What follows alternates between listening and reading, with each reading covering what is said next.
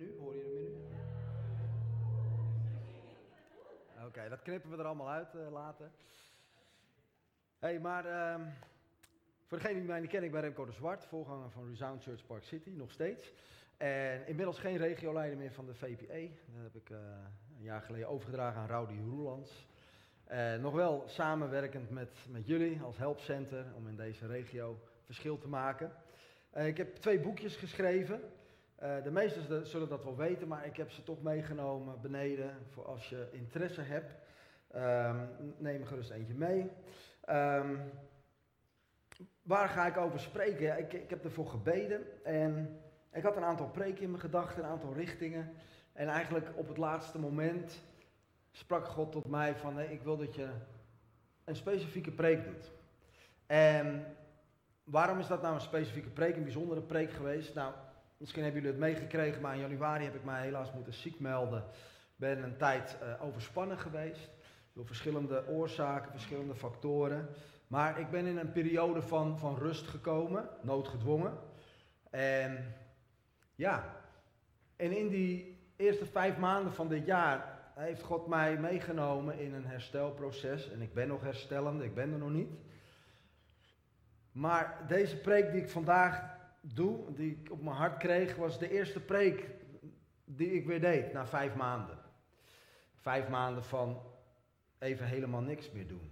En dat is een gekke gewaarwording. Als, als voorganger ben je altijd druk met de gemeente en spreken en in het land spreken. En dan in één keer is dat, is dat er niet meer. En wie ben je dan nog? Ja, wat is dan je identiteit? Nou, daar heeft God me in meegenomen. En ik wil beginnen gewoon met een aantal teksten te lezen, twee teksten, wel te verstaan. En de eerste is Lucas 10, vanaf vers 38 tot 42. En de tweede is Matthäus 6, vers 34. En dan staat er in Lucas 10, vers, vanaf vers 38, toen ze verder trokken, ze is Jezus en de discipelen, ging hij een dorp in, waar hij gastvrij werd ontvangen door een vrouw die Martha heette. Haar zuster Maria ging aan de voeten van de Heer zitten en beluisterde zijn woorden. Maar Martha werd helemaal in beslag genomen door de zorg voor haar gasten. Ze ging naar Jezus toe en zei: Heer, kan het u niet schelen dat mijn zuster mij al het werk alleen laat doen? Zeg tegen haar dat ze mij moet helpen. En de Heer zei tegen haar: Martha, Martha, je bent zo bezorgd en je maakt je veel te druk. Er is maar één ding noodzakelijk. Maria heeft het beste deel gekozen en dat zal haar niet worden ontnomen. Matthäus 6, vers 34 zegt Jezus: Maak je dus geen zorgen voor de dag van morgen, want de dag van morgen zorgt wel voor zichzelf. Elke dag heeft genoeg aan zijn eigen last. Nou, wat heb ik moeten leren afgelopen tijd, en dat is ook de titel van mijn preek, om nu te leven zonder zorgen. Als je je zorgen maakt, dan ben je bezig met de toekomst, wat er allemaal kan gebeuren, wat scenario's, en, en, maar je bent niet in het, in het nu.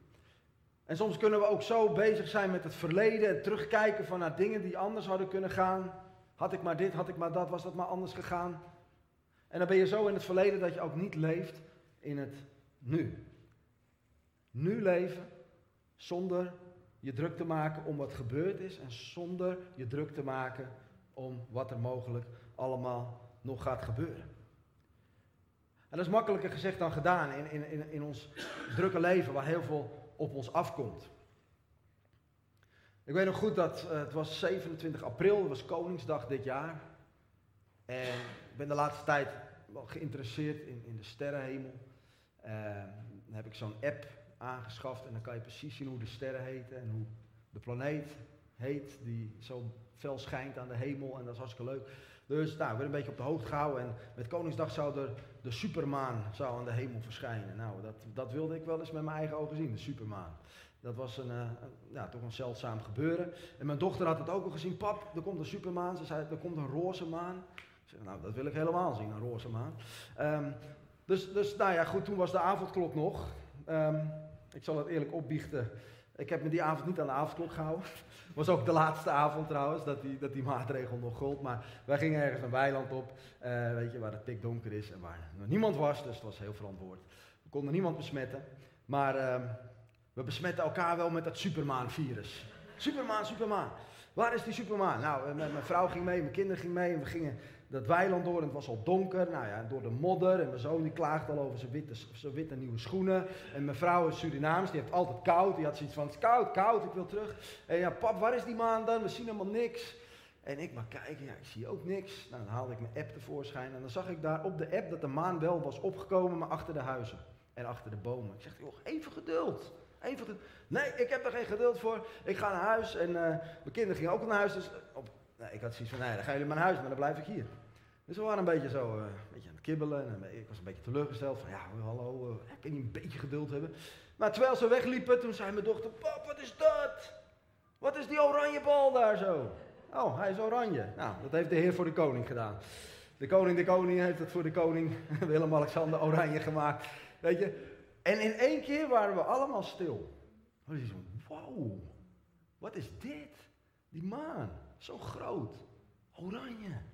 En in één keer waren we allemaal stil. We waren niet meer aan het ruzien. We waren niet meer bezig met weggaan. We waren gewoon even aan het genieten van het moment. En ik denk in het leven, er kunnen zoveel dingen ons in beslag nemen. En we kunnen geleefd worden door van alles en nog wat. Maar aan het eind van het jaar, als je terugkijkt naar, naar hoe je jaar geweest is, wat blijf je dan bij? De momenten waar je hebt kunnen genieten. Wij genoten hier van Gods schepping. En vandaag wil ik ook genieten van dat ik hier mag staan bij jullie. En ik hoop dat jullie ook genieten dat jullie weer gewoon lekker samen kunnen komen. want ja, dat is niet vanzelfsprekend gebleken. Er was een oudere broeder in onze gemeente, Johan Hilman, misschien sommigen van jullie kennen hem wel, een Antilliaanse broeder. En, en hij, uh, hij was stervende en ik zat aan zijn sterfbed. En hij pakte mijn hand. En hij zei, Remco, blijf genieten van wat je mag doen voor God. En ik dacht bij mezelf, die neem ik mee. En ook vandaag wil ik zeggen, ik mag genieten van het feit dat ik ook weer hier mag staan. Dat ik Gods woord met jullie mag delen. En ik bid dat het voor jullie een bemoediging mag zijn. ik had die dag ook een gesprek met mijn zoon. En hij zegt, pap, waar ga je over spreken zondag? Ik zeg, nou, ik ga je alleen de titel zeggen. Leef nu zonder zorgen. En hij zegt, pap, ik vind dat ik hoef je eigenlijk de hele preek niet meer te horen. Ik vind het eigenlijk wel een hele goede titel. Uh, ja, want inderdaad, ik, ik, ik, ik ben vaak aan het terugdenken van, oh had ik dit maar anders gedaan. Had, uh, als, als ik beter geleerd had voor dat proefwerk, dan had ik een beter cijfer gehaald. En, en, en hij zegt, ja, ik ben nu echt aan het leren om, om dat niet meer te doen, want ik merk dat het me niet helpt.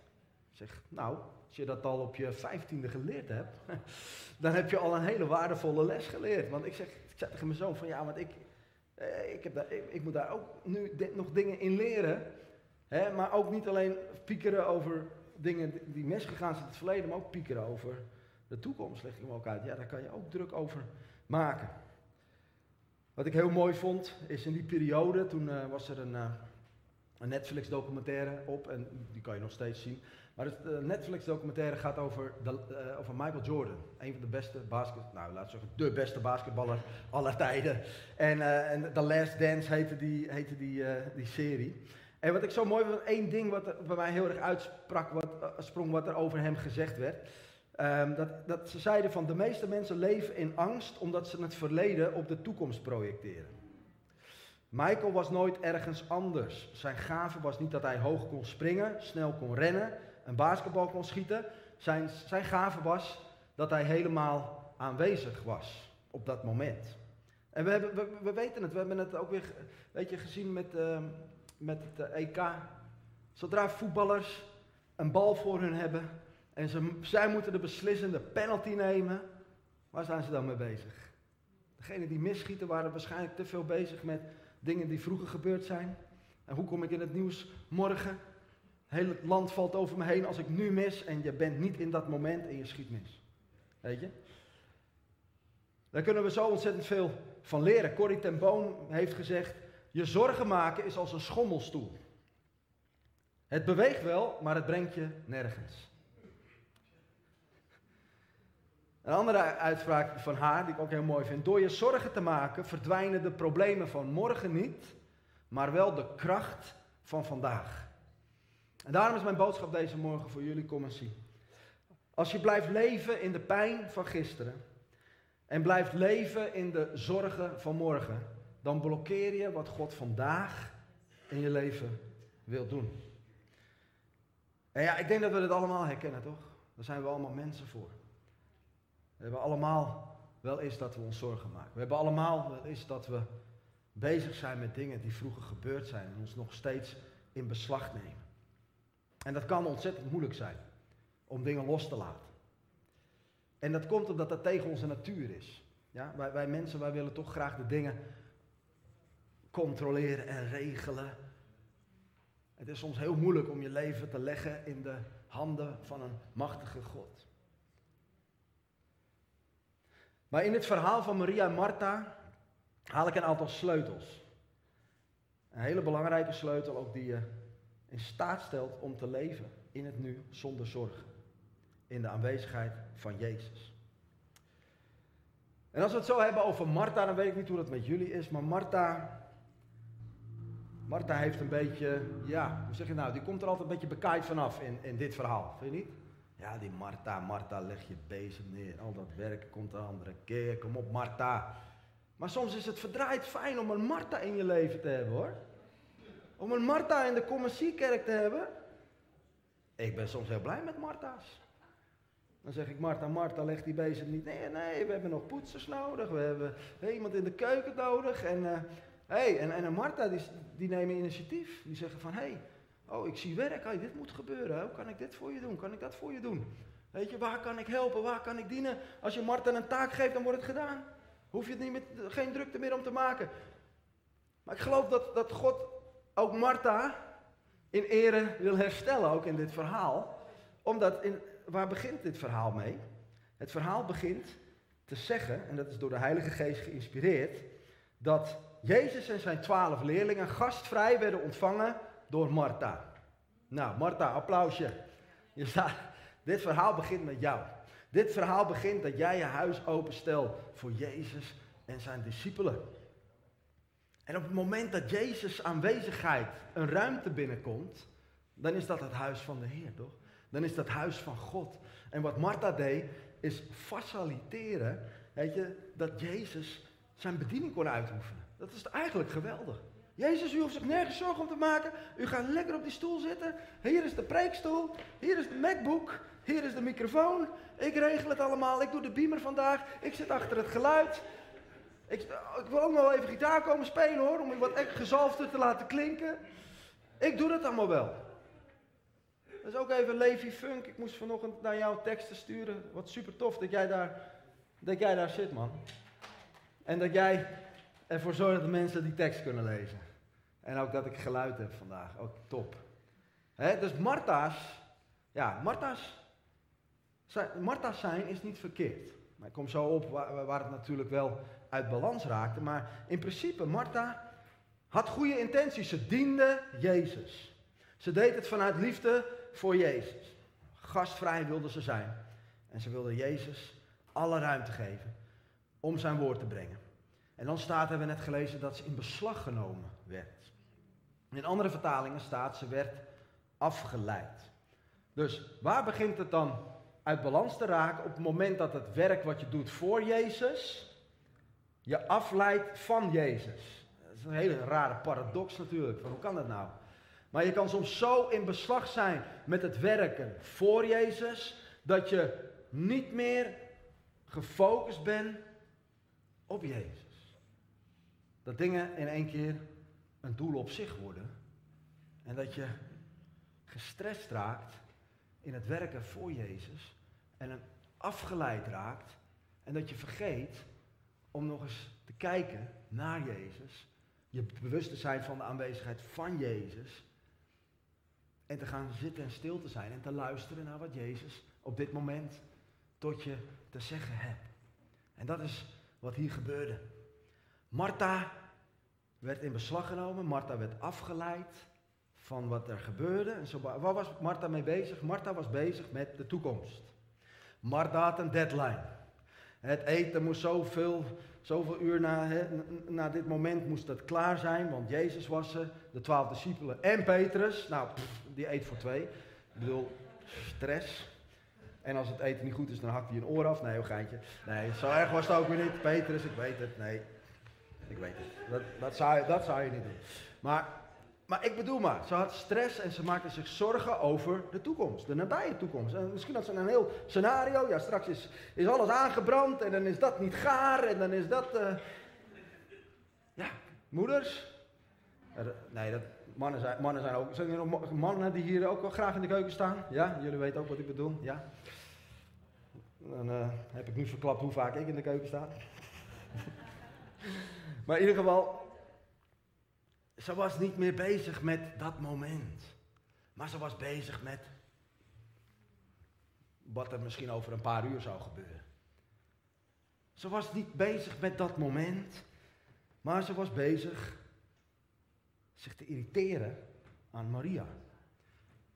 Dus ze werd afgeleid, hè, niet alleen met al het werk wat nog gedaan moest worden, maar ze werd ook afgeleid. Haar oog was niet meer op Jezus, maar haar oog ging naar haar irritante zusje, wat daar een beetje loopt te chillen. En, en dat doet ze altijd, hè? Dat doet ze altijd.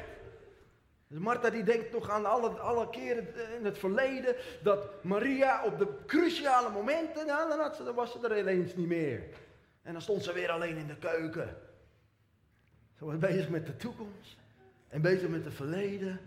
En ondertussen had ze haar focus niet meer op het moment, op de woorden die Jezus sprak, ook voor Martha. Jezus was er ook voor Martha, die woorden waren ook voor haar.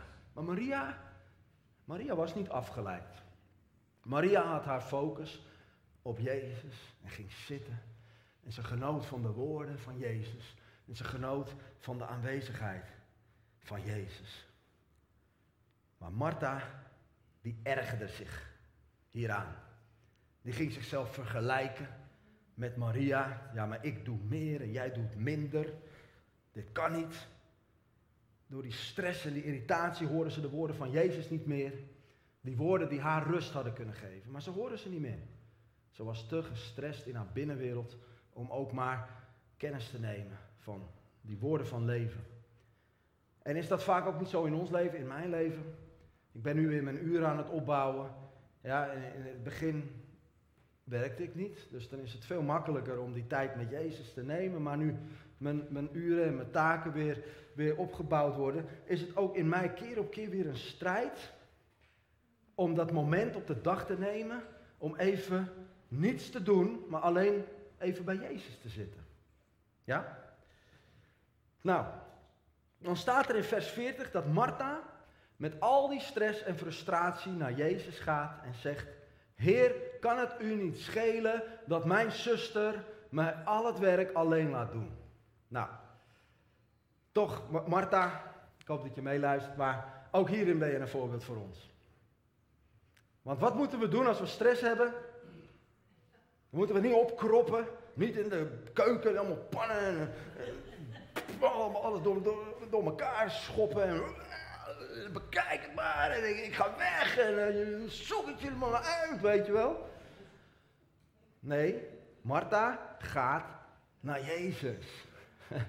En Martha maakt van de hart geen moordkuil. Martha die, die, die, die uit haar ergernis en frustratie ja, en, en, we mogen bij Jezus komen, niet alleen als we blij zijn, maar ook als we boos zijn. Toch? Als we gefrustreerd zijn. Als we dingen niet begrijpen. Je mag naar Jezus komen en Martha doet dat. Ze kropt haar frustratie niet op. Ja, ze gaat niet roddelen met de twaalf discipelen in de keuken. Nou ja, maar je zien hey, wat, uh, hier wat ze doen.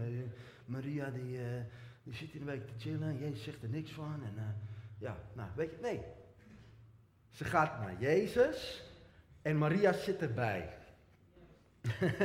dus ze gaat niet achter Maria's rug om roddelen van. Die Maria, die zus van mij uit. Nee, nee, moet je zien straks wat ze gaat doen. Ja, weet je, nee. Ze gaat naar Jezus en ze zegt: Heer, kan het u niet schelen dat mijn zus mij al het werk alleen laat doen? Nou, dit is goed wat Martha doet. Maar vervolgens merk je dat er iets gebeurt en wat in ons leven ook heel erg herkenbaar is. En waar we altijd voor moeten oppassen. Er zit een oordeel in haar spreker. Ze heeft het van een afstandje geobserveerd. En ze ziet Jezus zitten. En ze ziet Maria zitten. En ze velt een oordeel op basis van wat ze ziet. Op basis van de buitenkant.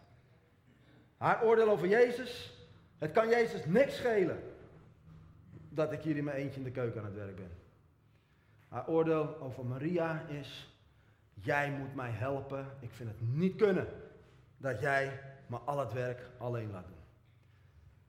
En als er iets is wat we vandaag de dag in het lichaam van Christus ook zien, is dat er op sociale media oordelen worden geveld over mensen, groepen, die ze nog nooit in het echt hebben gesproken, maar ze observeren van de buitenkant en zij menen het te weten, dat ze het beter te weten en ze vellen een oordeel. Boom. Wat is belangrijk in zo'n situatie? Om een waarom-vraag te stellen. Als je wil weten waarom iemand iets doet, wat iemands motivatie is, ja, voordat jij gaat oordelen op de buitenkant en jij denkt te weten wat iemands motivatie is, stel een waarom-vraag. Hé, hey, Jezus, waarom zegt u eigenlijk niet dat Maria uh, beter mij kan kunnen helpen? Ja? Hé hey Maria, waarom? Waarom zit je zo heerlijk aan de voeten van Jezus te luisteren naar wat hij te zeggen heeft? Uh, wat beweegt jou om, om, om, om dat te doen nu, terwijl ik hier iets anders aan het doen ben? nou, in ieder geval. Maar dan krijg je een gesprek, toch? En in deze tijd van afstand, anderhalf jaar afstand, het laatste wat we moeten willen is dat we op de buitenkant oordelen waardoor nog meer afstand ontstaat. Maar als je een waarom-vraag stelt, kom je in gesprek, ga je elkaars hart horen, elkaars hart leren kennen en dan kom je dichter bij elkaar.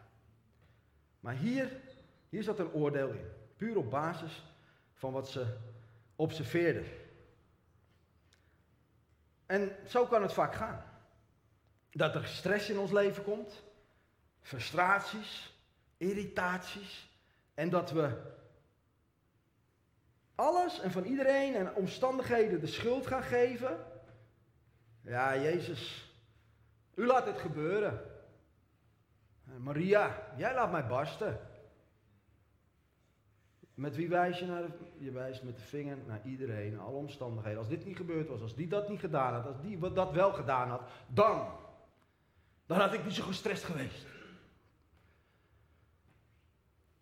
Jezus is niet boos over deze reactie van Martha. Jezus lost ook niet in één keer al haar problemen op zoals zij denkt dat die opgelost moet worden. Want Jezus wil eerst een probleem oplossen wat in het hart van Martha zit. Maar dan op een gegeven moment, dan zegt Martha iets wat ik best wel shocking vind. En je kan daar heel makkelijk overheen lezen, maar denk jij eens voor dat Jezus Christus, de Zoon van God, voor jou staat. Ja? En dat je dan in één keer tegen Jezus zegt, zeg tegen haar dat ze mij moet helpen. Ho, ho, ho, ho. Martha, Martha. Weet je wel wie ik ben? Het woord van het begin. Wat we net gezongen hebben. I have no rival. I have no equal. I have no beginning. I have no end. I am the Alpha. I am the Omega. I am God. Almighty, all powerful, all knowing. Even wat meer respect hè. Zo lijkt hij wel een beetje, ik ben getrouwd met een Surinaamse. De Surinaamse cultuur, als moeders in de keuken staan, dan in één keer gaan ze van alles in gebiedende wijs vertellen. Moest ik heel erg aan winnen in het begin, dat ik in mijn schoonfamilie kwam. Remco, zet het voor me. Remco, zet het voor me. Zet het zelf. Wat, Remco, zet het voor me. Ja, schep het uit dan. Wat? Schep het uit. Kan je gewoon even, gewoon even vragen. Remco, zou je alsjeblieft willen uitscheppen voor alle mensen? Ja, Nederlanders zeggen opscheppen, Surinamers zeggen uitscheppen. Want Nederlanders zijn opscheppers, blijkbaar. Nee, Surinamers zijn uitscheppers. Maar als mijn dochter in één keer voor mijn neus staat, zeggen: Papa, breng me naar school, nu. Wow. Ik ben je vader, hè? Zo praat je niet tegen je vader, zo ga je tegen je klasgenoten praten. Nou, dat is wat hier gebeurde. Martha geeft Jezus gewoon een opdracht. geef Jezus, dit is toch wat Geef Jezus gewoon een opdracht. Zeg haar dat ze mij moet helpen. Nou, is wat. En hoe reageert Jezus dan? Nou, ik ben blij met Martha's eerlijkheid hier. Want als we heel eerlijk naar onszelf kijken, kunnen we ook allemaal wel eens zo met God omgaan. Ja, misschien niet dat we zo hem zo commanderen. Maar tenminste in mijn leven is het wel eens zo geweest dat ik God vroeg om mijn plannen uit te voeren. Dat ik God vroeg om mijn problemen op te lossen. Heer, als ik God was, dan, dan zou ik het zo en zo doen. Ja? En ik denk in wezen is dat ook wat Martha hier deed. Martha die had de oplossing. Jezus, het is heel simpel. Je moet alleen even tegen Maria zeggen dat ze mij moet helpen, probleem opgelost. En nu even uitvoeren. en hier zie je ook wel in wezen wat het probleem hier was, is ook een trots. Trots is de kern van de zonde. Het als God willen zijn, het willen bepalen. Hè, soms beter te denken te weten dan, dan God zelf. Dat wij weten wel wat God zou moeten doen. Ja? Maar dat is trots. Wij zijn God niet. God is groter. God is sterker. Hij staat boven de tijd. God is volmaakt. Hij heeft een veel beter perspectief op jouw situatie en op wat jij nodig hebt. Nou, jij, jij ooit zal kunnen beseffen. Als God willen zijn, betekent dat je overal de controle over houden. Nou, en wat is hier dan aan de hand? Martha had niet de controle over deze situatie. Het liefste had Martha Maria gepakt bij de nekvel en meekomen jij. Naar de keuken. Nee, Jezus, nee, nee. Ik ga u even onderbreken. Nu even niet. Dat is controleren. Dat is wat er gebeurt als wij gaan controleren. Dingen niet kunnen loslaten, dingen niet kunnen overgeven, dan gaan we controleren. En wat, wat kan controleren doen met mensen? Dat, dat kan manipuleren betekenen. En het woord mani, dat, is afgeleid, dat, ehm, dat betekent het woord hand. Dus manipuleren is mensen naar je hand zetten. Zo dingen willen controleren, dat mensen gaan doen wat jij wil, alleen dan niet vanuit gedreven door de liefde van Jezus of door eigen beweging, maar door schuldgevoel aan te praten. Schuldgevoel, ja, echt weer iets voor jou hè, Maria, om mij zo te laten barsten. Dat heb je vorige keer ook gedaan. Ja? Ik denk dat het goed is dat jij nu even komt helpen, want dit kan echt niet. En uit schuld kan ze opstaan en doen wat Maria zegt. Maar dat is niet hoe God wil dat we met mensen omgaan. En zeker niet met God. Wij zullen God nooit naar ons hand kunnen zetten. Weet je, wij mogen ons leven in zijn machtige hand leggen en zeggen: Heer, laat uw hand mijn leven leiden. Ook al begrijp ik er soms niks van, ook al snap ik soms niet waar het helemaal heen gaat, kan ik u niet volgen, maar ik kies ervoor om u te blijven vertrouwen, ook al begrijp ik u niet. Dat hebben we ook net gezongen, dat liedje New Wine, ook een prachtige, prachtige proclamatie. Maar Jezus kijkt achter de woorden. Jezus kijkt met volmaakte liefde naar het hart van Maria. En Jezus komt tot de kern van de zaak. En hij zegt in vers 41 tegen Martha: Je bent zo bezorgd en je maakt je veel te druk. Er is maar één ding noodzakelijk. Maria heeft het beste deel gekozen en dat zal haar niet worden ontnomen. Ja, er zijn veel dingen belangrijk. De grote opdracht is belangrijk. Um, omzien naar de armen is belangrijk. Gemeente zijn, omzien naar elkaar is belangrijk. En zeker na corona, heel veel dingen zijn belangrijk. Dat zal ongetwijfeld bij jullie ook zo zijn. Er zullen heel veel dingen, plannen liggen die, die, die, nu uitgerold moeten worden. Heel veel dingen zijn belangrijk. Maar waarom geloof ik dat God met deze preek op mijn hart legt? Omdat Jezus zegt hier één ding, dat is heel, heel duidelijk. Hij zegt slechts één ding is noodzakelijk. En, en, en dit heeft ook, afgelopen periode heeft mij ook naar de basis gebracht. Wat is nou echt belangrijk in mijn leven? Ook als voorganger, ook het moment dat ik niet meer de controle heb over mijn kerk. Ja? Heb ik bewust losgelaten. Maar dat voelt heel raar. Is er één keer. Heb je, heb je er geen invloed meer op. En dan in één keer stelt God je de vraag, ja maar wie bouwt nou de gemeente en wie is nou je vertrouwen? Is je vertrouwen dat jij hier iets kan doen en dat kan doen? Of is je vertrouwen op mijn Heilige Geest die de dingen uitwerkt, die de gemeente bouwt? Weet je, het was een heel confronterende tijd voor mij. En zoveel dingen zijn belangrijk en zoveel dingen schreeuwen om je aandacht. En dit moet gebeuren en dat moet gebeuren. als je opstaat. Het eerste waar je naar kijkt vaak is, ja, je alarm gaat af op je telefoon en je kijkt dus op je telefoon en je ziet een WhatsAppje. En voor je het weet ben je met allerlei dingen bezig, word je in beslag genomen. Maar hier staat, slechts één ding is noodzakelijk. Slechts één ding is noodzakelijk. En begrijp me niet verkeerd, voordat iedereen straks een taak gaat opzeggen. ik geloof dat Martha, haar hart, was goed om te dienen. Jezus te dienen. Het huis van God te dienen. Mensen in de aanwezigheid van Jezus te krijgen. En ervoor te zorgen dat, dat het woord kan klinken. Dat mensen aangeraakt kunnen worden door, door de woorden van Jezus. Ja? Maar het gaat hier om de volgorde. Het gaat hier om prioriteit. Wat komt eerst? Wat komt eerst? Wat eerst komt, is even niets doen, aan de voeten van Jezus zitten. Je hart tot lust laten brengen. Horen van Hem. En dan gaan werken voor Jezus. En dan zul je werken dat het werken van Jezus makkelijker gaat. Dat je de leiding van Jezus veel beter kan ervaren in je leven. Omdat je eerst ervoor hebt gekozen om alles even los te laten. Als je je altijd zorgen maakt over van alles en nog wat, dan doe je niet dat ene wat noodzakelijk is. Maar als je dat ene wat noodzakelijk is wel doet, maak je je nergens zorgen meer over. Want Martha, de man die brood en vissen heeft vermenigvuldigd, twee keer is in je huis. Wat maak je je druk over eten? De man die water in wijn veranderde is in je huis. Wat maak je je druk over drinken?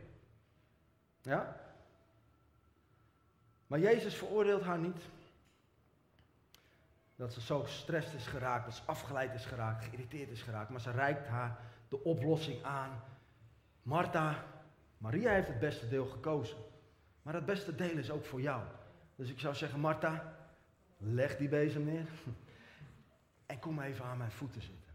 Ja? Luister even wat ik te zeggen heb. Kom even tot rust. En dan gaan we daarna samen gaan we dat allemaal klaarmaken. Maar dit is nu het eerste wat noodzakelijk is. Als ik in, in het huis ben. Mijn aanwezigheid. Dat je eerst aan mijn voeten gaat zitten en dan voor mij gaat werken. Corrie ten Boom heeft het heel scherp verwoord. Wie geen tijd heeft om te bidden, werkt harder dan God van hem vraagt. Wie geen tijd heeft om te bidden, werkt harder dan God van hem vraagt. Weet je, we zijn allemaal geroepen voor de grote opdracht. en Jezus te dienen. Hier op aarde, maar die is tijdelijk. Jullie hebben ook een aantal geliefde gemeenteleden verloren. En jullie beseffen ook dat het leven hier is tijdelijk. Wij hebben vorig jaar als nichtje begraven. En dan besef je in één keer, dit leven hier kan zo voorbij zijn. En dan komt het moment dat ik mijn laatste adem uitblaas. En dan is mijn taak hier volbracht. Wat is dan het enige wat nog overblijft? Dat is mijn relatie met Jezus. Dat is aan de voeten zitten van Jezus. Hier op aarde mag ik, mag, ik, mag ik de grote opdracht vervullen. Maar er is nog een grotere opdracht. Groter dan de grote opdracht. En dat is de opdracht om aan de voeten van Jezus te gaan zitten. In dit leven al. Dit is het eeuwige leven. Dat zij u kennen, Vader, en Jezus Christus die u gezonden heeft. Als alles weg is, is dat het enige wat nog over is. En hier, hier op aarde mogen we daar al in investeren. En dit wordt zo mooi geïllustreerd, het laatste Bijbelgedeelte. En ik ga, ga sluiten, de, de band kan alvast naar voren komen. Maar ik vind het zo'n mooi gedeelte in openbaringen. Openbaringen 4, vers 8.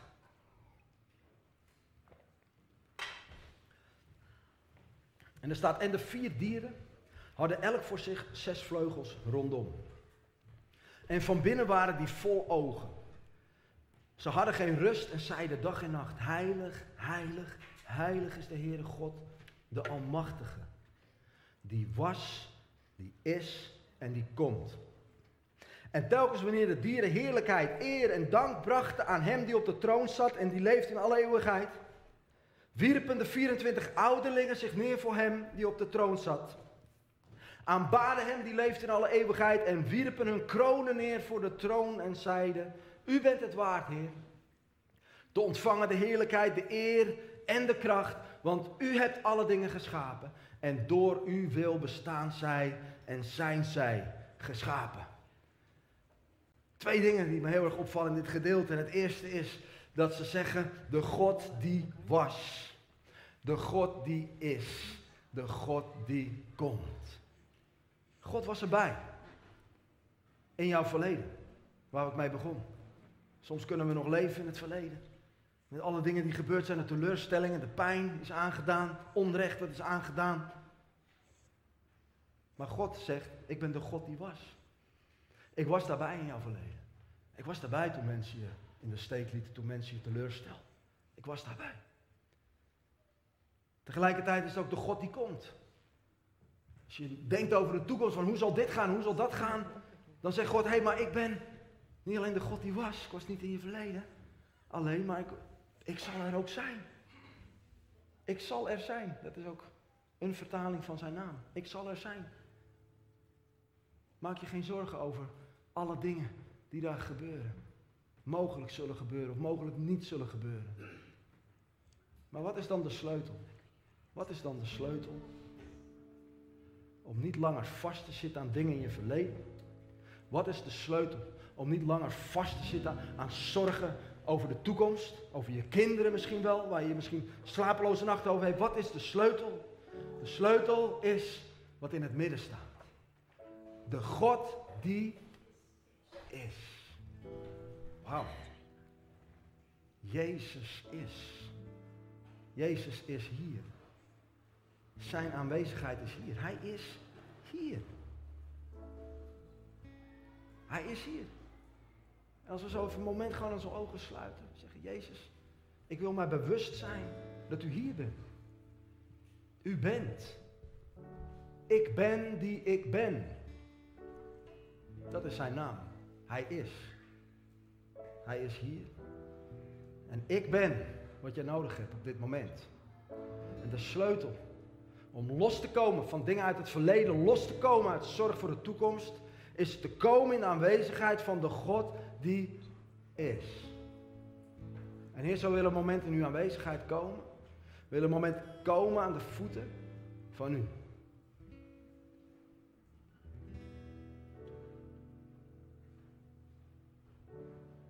En als onze gedachten ons alle kanten mee opvoeren. Terug naar het verleden, of naar de toekomst, of naar morgen, maandag, school, werk. Heren, breng ons even tot rust. Breng ons in het nu. Laat ons genieten van uw aanwezigheid. Laat ons genieten van deze ontmoeting. Help ons om alle onze eigen oplossingen en dingen die we willen doen, of dingen die we willen controleren, om dat los te laten. Want dat is het tweede wat me opvalt in dit Bijbelgedeelte is dat de 24 oudsten, ze knielden neer. En ze deden nog iets anders. De Bijbel zegt dat we, als we God dienen hier op aarde, dat we een kroon krijgen, een krans. 1 Korinthe 9 vers 25 spreekt Paulus daar ook over. Dus Martha, ja, Martha. God dienen met je gaven, met je talenten. Daar krijg je een beloning voor. Dat is niet verkeerd. Dat is niet verkeerd. Maar als je maar één ding vergeet, dat de vier, niet vergeet, als de 24 oudsten knielen voor de troon. Wat doen ze met die kroon? Die kronen doen ze af en die werpen ze neer voor de voeten van Jezus. En daarmee zeggen ze, heren, uiteindelijk gaat het maar om één ding. En dat is, ik u ken. Is dat ik in uw aanwezigheid ben. Is dat ik u ontmoet. En ik wil u vragen gewoon iets, iets dappers te doen. Misschien is het niet dapper, maar voel je alsjeblieft niet verplicht of als het fysiek niet kan. Maar zou u gewoon een moment willen knielen? Gewoon als gemeente. Deze bijzondere dag, 26 september. Waar we weer kerk kunnen, meer kerk kunnen zijn zoals het altijd geweest is. Maar laten we aan het begin van dit nieuwe seizoen beginnen. Om al onze kronen af te werpen en voor de voeten van Jezus te leggen. En misschien zijn er nog dingen waar je mee zit. Dingen van het verleden, dingen van vroeger. Werp die kroon neer voor de troon van God. En misschien zijn er dingen waar je je zorgen over maakt. Misschien in je privéleven, misschien in je gezin. Maar misschien ook met de gemeente. Of hoe het dan verder moet. Leg je zorgen voor Jezus. De Bijbel zegt, werp je bekommernissen op hem. Misschien is er een bepaalde trots, waardoor je toch heel veel dingen naar je hand hebt willen zetten. Je hebt dingen willen regelen. Werp die kroon af en zeg, Heer, ik geef alle controle vandaag aan u. U bent God. En ik buig mijn knie voor u, Heer. Laat uw wil geschieden in mijn leven en vergeef me, Heer. Als ik u soms heb gezegd wat u moest doen. Misschien zijn er waarom vragen. Dingen die gebeurd zijn die niet begrijpt alsof jij alleen